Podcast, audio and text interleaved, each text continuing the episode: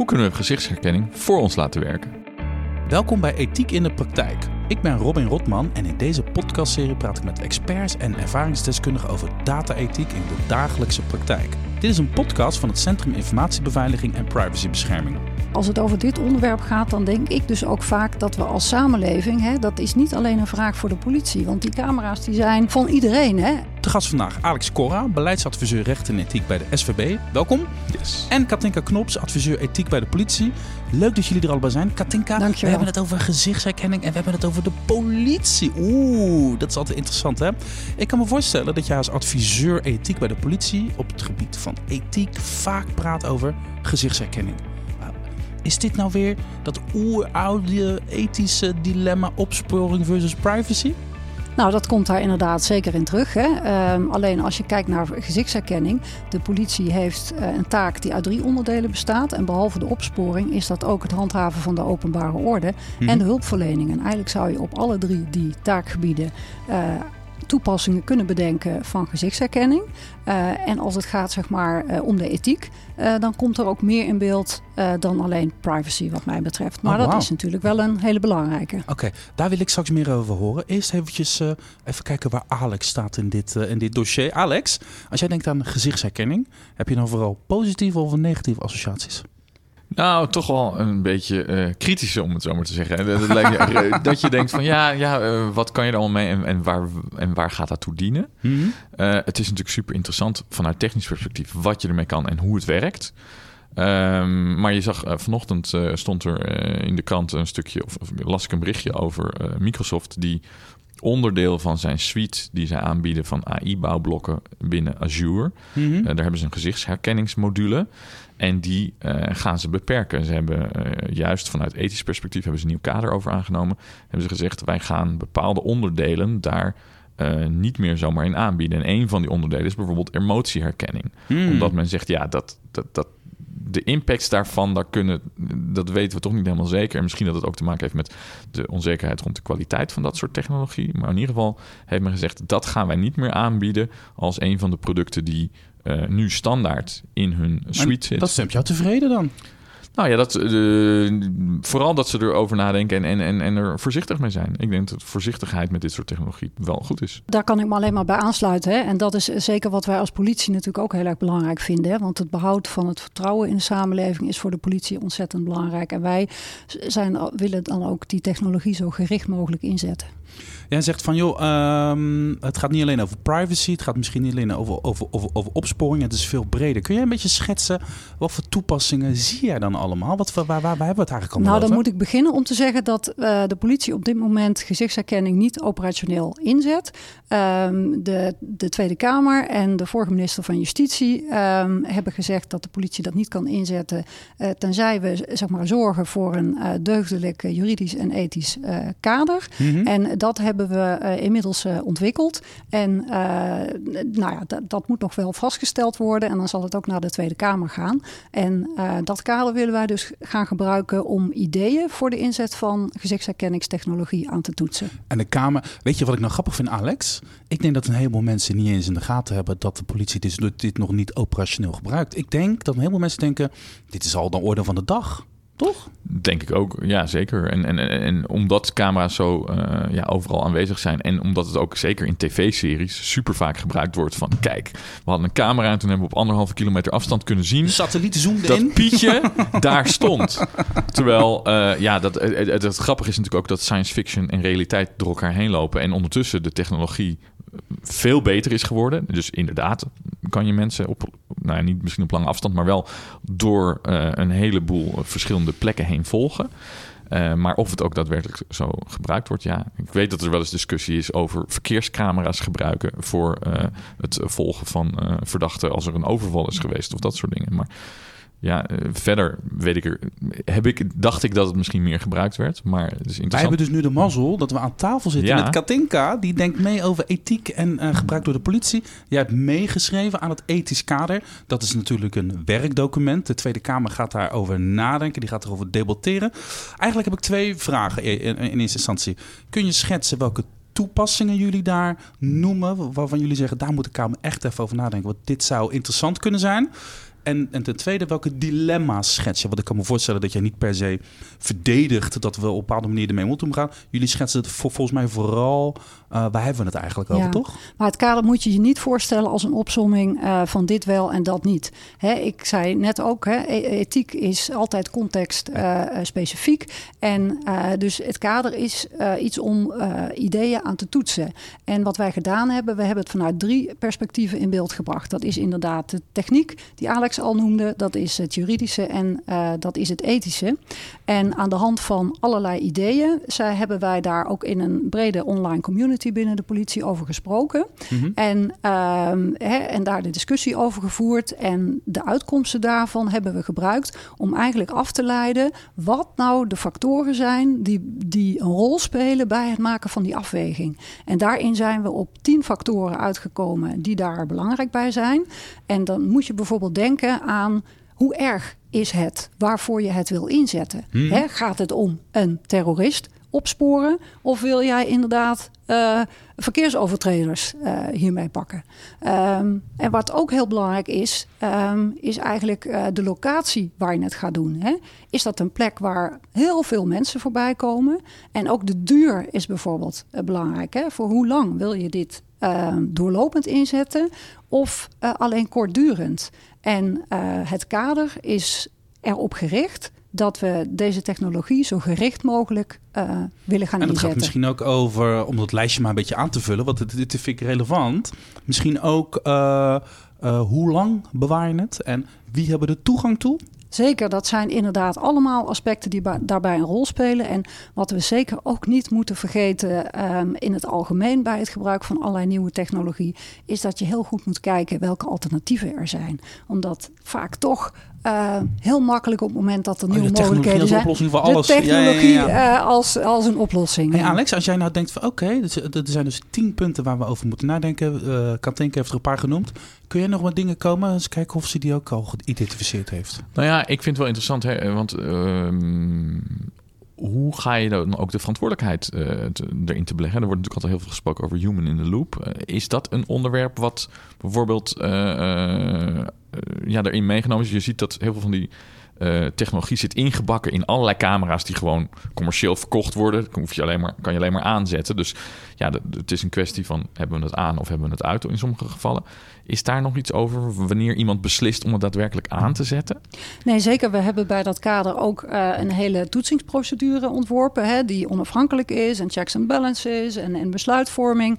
En er zitten ook gewoon een aantal eh, ja, harde randvoorwaarden omheen. Maar een van de criteria, of een van de factoren, is inderdaad ook hè, van, van wie is. de- kijk goed wie de leverancier eh, van je systeem is. Hè. Ehm, daar hebben we natuurlijk ook al voorbeelden hè, van in de media eh, gezien. Waar gaat die informatie dan heen? En wie, kunnen ja, ze er of dan zitten bij? daar achterdeurtjes in. En, nee, maar dat je inderdaad, het heel belangrijk is natuurlijk wat je met die data doet en wie daar toegang toe heeft. Dat is allemaal inderdaad ehm, meegenomen in dit kader. We gaan dit debat in de Kamer volgen. Oké. Wat is er valt natuurlijk nog veel meer over te. Ik wil even casus, gewoon concrete voorbeelden waarvan jullie zeggen van ja, dat komt op ons af. Dat is misschien technisch of technologisch mogelijk, of het gaat zeer binnenkort mogelijk zijn. En daar moeten we gewoon iets van vinden met z'n allen. Gaan we dat toepassen of niet? Katinka, heb jij, heb jij een voorbeeld? Of weet ik veel, bij demonstraties of zo. Gezichtsherkend camera's die die massa in de gaten. Heb jij nou een voorbeeld van je denkt van ja, interessante casus. Ja, waar, waar zeker interessante dilemma's in zitten. Hè. En dan denk ik inderdaad aan het gebruik van gezichtsherkenning eh, bij demonstraties. Ehm, hè, demonstraties verlopen niet altijd vredig. Eh, soms breken er rellen uit. Eh, en wat je dan ziet gebeuren is dat de mensen die gaan rellen... dat ze dan hun gezicht onherkenbaar maken. Hè, met ervoor, gezichtssjaaltje op, en de mondkapjes. Ja, ja. Ehm, en hè, en, en, en een vraagstuk hè, wat, wat opgeworpen is, is van nou, kunnen we die mensen dan niet in beeld brengen? Hè, nog voordat eh, de rellen uitbreken, want dan hebben we ze herkenbaar op beeld. Dus er staan gewoon dan op die kunnen meut, eh, die, die, zien- die zien al die mensen. En als je dan Voor achteraf... alle duidelijkheid, dit wordt niet toegepast. eh, nee, nee, nee, maar maar dan- dat, maar- zo zou je dat inderdaad kunnen doen. Maar het zou je achteraf kunnen helpen om die mensen aan de hand van hun kleren toch te herkennen. en dan hun gezicht op en moment- gezichtsherkenning. en Ja, dan- aan de hand van hun gezicht. Op het moment dat zij dus al bekend zijn bij de politie. Hè. De politie heeft ook een database met mensen die ehm, eh, verdachten zijn geweest of eh, veroordeeld. Ehm, en dan zouden ze op die manier ehm, herkend kunnen worden. Hier moeten we als samenleving iets van vinden. Alex, heb je hier al een gevoel bij? Nou ja, ja zeker wel. Uh, het is natuurlijk interessant om te zien. Er is zeker in de afgelopen 10, 15 jaar heel veel roep geweest om meer veiligheid. En om, gezien alles wat er gebeurd is, ook nog uh, natuurlijk uh, de aanslagen 9-11, uh, alle andere terroristische aanslagen, wordt er veel gezegd, ja, we moeten meer doen om die veiligheid in het publieke domein te garanderen en om ja, de, burgers te beschermen. Tegelijkertijd, als je kijkt naar hoe die technologie zich ontwikkeld heeft en op welk niveau ehm, ja, je mensen nu kan herkennen en, en, en hoe lang je mensen kan volgen als je die technologie zomaar loslaat, dan zegt dat natuurlijk ja, dat, heeft wel implicaties voor jouw privacy en voor je zijn. En dit is natuurlijk waar, wat, wat, wat, wat jullie omschrijven in dat, in dat kader. Daar moeten we met z'n allen wat van vinden en daar moeten we over praten. Ja, zeker. Kijk, en, en hè, op het moment dat jij dus mensen uh, op beeld gaat vastleggen... Uh, op het moment dat zij uh, vreedzaam aan het demonstreren zijn... Hè, dan maken zij gebruik van belangrijke grondrechten die hebben. Hè, de vrije meningsuiting, vrijheid van demonstratie. dus vanuit ethisch perspectief is daar een zeer groot vraagteken bij te plaatsen.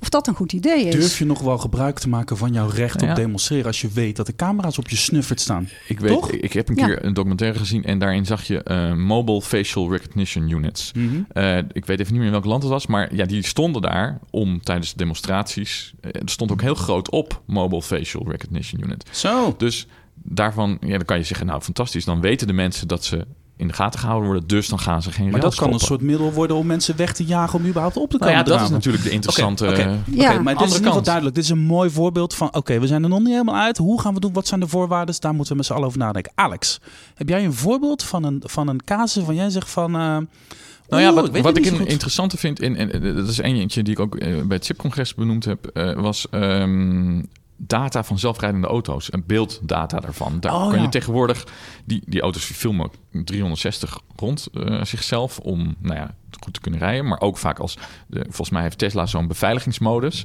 waarbij die camera's aanstaan als mensen in de buurt komen. Die scannen natuurlijk ook die, die mensen van, joh, waar lopen die mensen die Er zijn heel veel discussies geweest over, um, moet je, uh, sommige mensen stoppen, zetten dat op YouTube. Er gebeuren van allerlei interessante dingen mee. Maar ja, dat zou je natuurlijk ook aan gebruiken. Dan heb je mobiele uh, gezichtsherkenningsunit zou je ervan kunnen maken. Want... Hm. Maar dat is dus het algehele punt, hè? dat deze technologie succesvol ingezet kan worden door de alomtegenwoordigheid van camera's in de samenleving en door de alomtegenwoordigheid van beeld.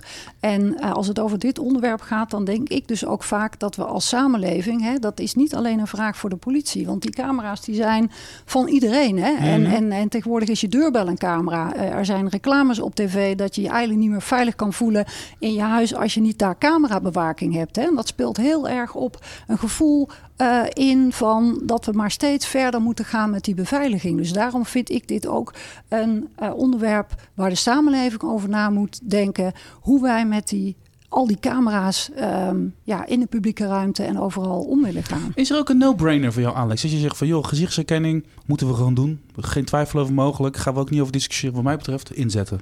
Ik vond het, ja, het is een lastige. Uh, ja, ik denk het wel, uh, maar het zijn wel, uh, ja, edge cases heet dat dan. Hè? Eentje waar ik me waar ik dan aan denk is bijvoorbeeld het gebruik van gezichtsherkenning als het gaat om kinderpornografisch materiaal. om ja, daarmee kinderen die daarin voorkomen te kunnen herkennen die vermist zijn of iets dergelijks. Ik weet dat dat mm. soort dingen ingezet worden. Nou, dat lijkt me ja, een, een logische applicatie. Of een logische, dat lijkt me een, een verantwoorde applicatie omdat je dan ook probeert mensen te redden die in een moeilijke situatie zijn. Dus hè, nood breekt wetten in zekere zin. Dat lijkt me op dat moment dan wel een ethische verantwoording. Dan gaat de technologie gewoon echt voor je werken. Uh, Katinka, heb jij nog een voorbeeld? Ja, misschien een voorbeeld hè, wat daarbij aansluit. Inderdaad, hè, stel je hebt uh, een, een, een, foto van een verdachte... en er is gewoon heel erg veel beeldmateriaal uh, beschikbaar. En, en, en dat is bijvoorbeeld ook gemaakt op een locatie... waar sowieso camera's hangen en waar iedereen dat eigenlijk ook wel nodig en vanzelfsprekend vindt. En hè, dan uh, ja, kan die technologie natuurlijk wel helpen om op een hele efficiënte manier uh, dat dus, te bekijken. Dat je dus met daar ogen al dat materiaal moet scannen. Moet, je laat het exact. door een slim en, en, en de techniek misschien nog wel beter is, omdat die niet afgeleid raakt voor wat hij nog allemaal meer ziet uh, op die beelden. Dus, uh, Over, overigens hebben we in deze serie ook een ontzettend interessante aflevering opgenomen over hoe we die AI voor ons kunnen laten werken. En dat is, dat is ook de moeite van het, uh, van het luisteren waard. Wanneer kan het echt niet? Dat je echt van, oké, dat, dat hoor ik wel eens, komt wel eens voorbij, die casus, moeten we gewoon niet doen. Ja, ik zelf vind uh, het is niet per se gezichtsherkenning, maar uh, de inzet van camera's uh, in combinatie met emotieherkenning. Uh, dat, Ah. dat lijkt mij, ja, dan ben je, uh, daar zijn zoveel issues rond of dat wel goed meet wat, wat je daadwerkelijk uh, meet of wil meten. Denkt te meten. Denkt te meten, inderdaad. En ook moet iemand anders kunnen zien wat er in mijn hoofd dan gebeurt. gaan ze echt bijna in je In mijn kijken. inner self. Ja. En ik denk dat het belangrijk is dat we als mensen ook die verschillende identiteiten, die verschillende, je hebt je, je uiterlijke wereld, je hebt je wereld waar je thuis, je wereld op je werk. Mm. Daar heb je allemaal identiteiten in. En je hebt een identiteit in je hoofd. En dat zijn denk ik wel belangrijke dingen om die gewoon ook voor jezelf te kunnen houden. Heb je ook nog zo'n no-go in petto, uh, Katinka? Nou ja, waar in algemene zin heel kritisch naar zou kijken, is de inzet van dit middel uh, als het gaat in de publieke ruimte. Um, Ah, ja, dan okay. komt het ook al heel dichtbij. Hè? En inderdaad, het gebruik van emotieherkenning of uh, afwijkend gedrag zijn daar nog weer volgende stappen in. Um, maar dit is al een hele uh, ingrijpende technologie uh, voor mensen. Hè? Want um, uh, hè, het is niet alleen je privacy, uh, maar het gaat ook over iets als autonomie. Hè? Dat op het moment uh, dat het voor de veiligheid noodzakelijk geacht zou worden, weet ik veel, om uh, op het Leidseplein in Amsterdam gezichtsherkenning en jij wil dat niet. En, en zo kan je nog andere, hè, op een vliegveld, andere locaties bedenken. Ja, dan zou, en zou dat betekenen dat, dat jij je niet meer vrij kunt bewegen in belangrijke delen van de maatschappij. Ja. En um, ja, helemaal is dat natuurlijk een vraag op het moment dat je het niet eens zou weten dat het gebeurt. Dus uh, dit is wel iets waar we, denk ik, uh, heel goed over na moeten denken. Oké, concrete tips en oplossingen. Je werkt bij een overheidsorganisatie of bij een commerciële organisatie, of in ieder geval het, het, thema gezichtsherkenning komt op je pad en dient zich aan als een oplossing voor iets. Zo, weet ik veel. wat, wat kun je nou doen om de juiste ethische keuzes te maken. Nou, het eerste wat je moet doen, dat, die ga ik al prijsgeven, denk ik. Dat is wat we nu aan het doen zijn. En wat jij nu aan het doen bent, Katinka, in de, met de Tweede Kamer. Denk er vooraf over na. En besluit vooraf onder welke voorwaarden, wat zijn de kaders, wat willen we ermee bereiken. Denk erover na, praat erover, debatteer erover en maak een bewuste keuze überhaupt. Hè? Dat, gaat niet als een kip zonder kop die te technologie inzetten. Dat is een hele belangrijke, dat is misschien wel de allerbelangrijkste tip. Nou, die brengen we nu in de praktijk door er een podcast over op te nemen. Wat kunnen we nog meer doen? Als je dat mij nu zo vraagt, dan denk ik aan twee dingen. En in de eerste plaats denk ik, stel de juiste vraag. Als het gaat om gezichtsherkenning moet je denk ik twee belangrijke vragen naast elkaar uh, bekijken. Eén is de, de machts- en controlevraag. Willen we dit niveau van controle op een bepaalde plek in een bepaalde context. En de andere is de kwaliteit van de gezichtsherkenning zelf. Dus biedt die technologie wat wij denken dat die biedt? Of herkent hij alleen maar blanke mannen? Uh, of uh, juist weer, um, en juist niet de mensen die in minder vertegenwoordigde groepen die vaak niet zo in die. Het is eigenlijk gewoon zorg ervoor dat als je die tegenin zet, het moet verdikken me wel werken. Het ja, wel nou heb, werken. ik, nou heb ik begrepen dat die techniek inmiddels uh, zich behoorlijk doorontwikkeld heeft en uh, dat, dat dat inmiddels uh, minder een probleem is. Maar waar je in dat verband zeker wel aan kan denken, zijn ook de omstandigheden waarom je het, waaronder je doet. Hè? Uh, en wat voor soort camera's je gebruikt. En hè, is er goede belichting? Hè? Of is het te schemerig, te donker? Ja, okay. ja. Inderdaad regen. Dus die omstandigheden spelen inderdaad een rol voor de kwaliteit van het beeld. Want op het moment dat jij geen goede kwaliteit van het beeld hebt, dan kan er ook geen goede match plaatsvinden. En dan neemt het risico op uh, verkeerde matches uh, neemt toe. toe. Ja. En met alle gevolgen van dien. Dus dat is uh, inderdaad ja, heel erg belangrijk in die hele context om ook mee te nemen. Oké, okay, dan even toch bij jou, Katinka weer. Um, Alex noemt iets, de technologie moet gewoon goed, goed, goed werken. Nou, jij zegt dat het, het lijkt erop dat dat de goede, goede kant op gaat. Wat, wat zijn voor jou nog de tips en de tricks? Behalve praat erover, denk erover na. Wat zijn de randvoorwaarden? Wat zijn je, je Oké, dat hebben we allemaal gehad. Maar wat vind je nog meer tips en oplossingen gezichtsherkenning? Nou, wat ik een hele belangrijke vind, is dat, je, hè, dat het niet op een geautomatiseerde manier mag plaatsvinden. Hè, en dat je altijd wat dan heet een human in the loop hebt. Dus altijd ook uh, die menselijke toetsing van het resultaat dat, de technologie uh, oplevert. Dit, ik zie Alex gelijk stralen. Ja, hè? Nee, klopt. Ik denk dat, dat dat een van de belangrijke dingen is dat we heel goed moeten nadenken over niet alleen de technologie zelf, de kwaliteit van de technologie, maar ook de context waarin die technologie ingebed wordt en wat voor soort mensen daar met die technologie gaan werken. En wat verwachten we van die mensen? Is dat inderdaad iemand die een beslissing kan gaan nemen daarover? Uh, of hebben we dat helemaal niet uh, ingeregeld en is het pas achteraf? Ja, daar, dat soort keuzes, dat zijn ook designkeuzes, daar moet je van tevoren goed over nadenken. En dat hoort bij een goede implementatie van data-ethiek. Niet alleen de technische kant, maar ook die sociale kant. Oké, we hebben er nu 20 minuten over gepraat. Um, ik heb eigenlijk wel. Ik, ik, ik, maak ook altijd een beetje zorgen over soort dingen. Uh, daarom heb ik deze vraag bij jou gedropt van tevoren, Alex. Jij zei van, oeh, eigenlijk vooral negatieve associaties. Als ik nu zo'n 20 minuutjes erover praat... en ik hoor jullie allebei met de casussen en de tips... en waar moeten over nadenken... denk ik eigenlijk van, nou, als je de vraag stelt... kunnen we AI voor ons laten werken? Dan zie ik eigenlijk, heb ik best wel vertrouwen daarin. Als ik eerlijk moet zijn. Heb jij dat ook niet toch een beetje stiekem? Jawel, als we ons best doen wel. Uh, maar ik blijf toch wel dat je, uh, nou ja, kritisch erop gewoon in algemene zin, omdat ik denk dat het gezond is. Dus ja, je moet technologie uh, proberen goed in te zetten, maar blijf erbij nadenken waarom je het doet. En niet alleen hè, over hoe, maar vooral ook het waarom. Dus de why-vraag is belangrijk bij dit soort zaken. Katinka, laatste woord voor jou? Ja, ik denk inderdaad ook dat het... Ehm, uh, niet zinvol is zeg maar, om techniek in algemene zin af te wijzen. Hè? Want eh, het punt is inderdaad ook, hè, als ik kijk naar, naar de taak van de politie, ook van ons verwacht wordt hè, dat we de samenleving veilig houden en dat we daarom dus ook de mogelijkheden van nieuwe technologie onderzoeken. Maar tegelijkertijd is voor ons dat behoud van het vertrouwen van de samenleving ontzettend belangrijk. En is het pleidooi dus om dat zo gericht mogelijk uh, in te zetten. Ik ben blij dat jij, Katinka Knops, betrokken bent als adviseur ethiek bij de politie. Volgens mij worden daar de juiste vragen gesteld.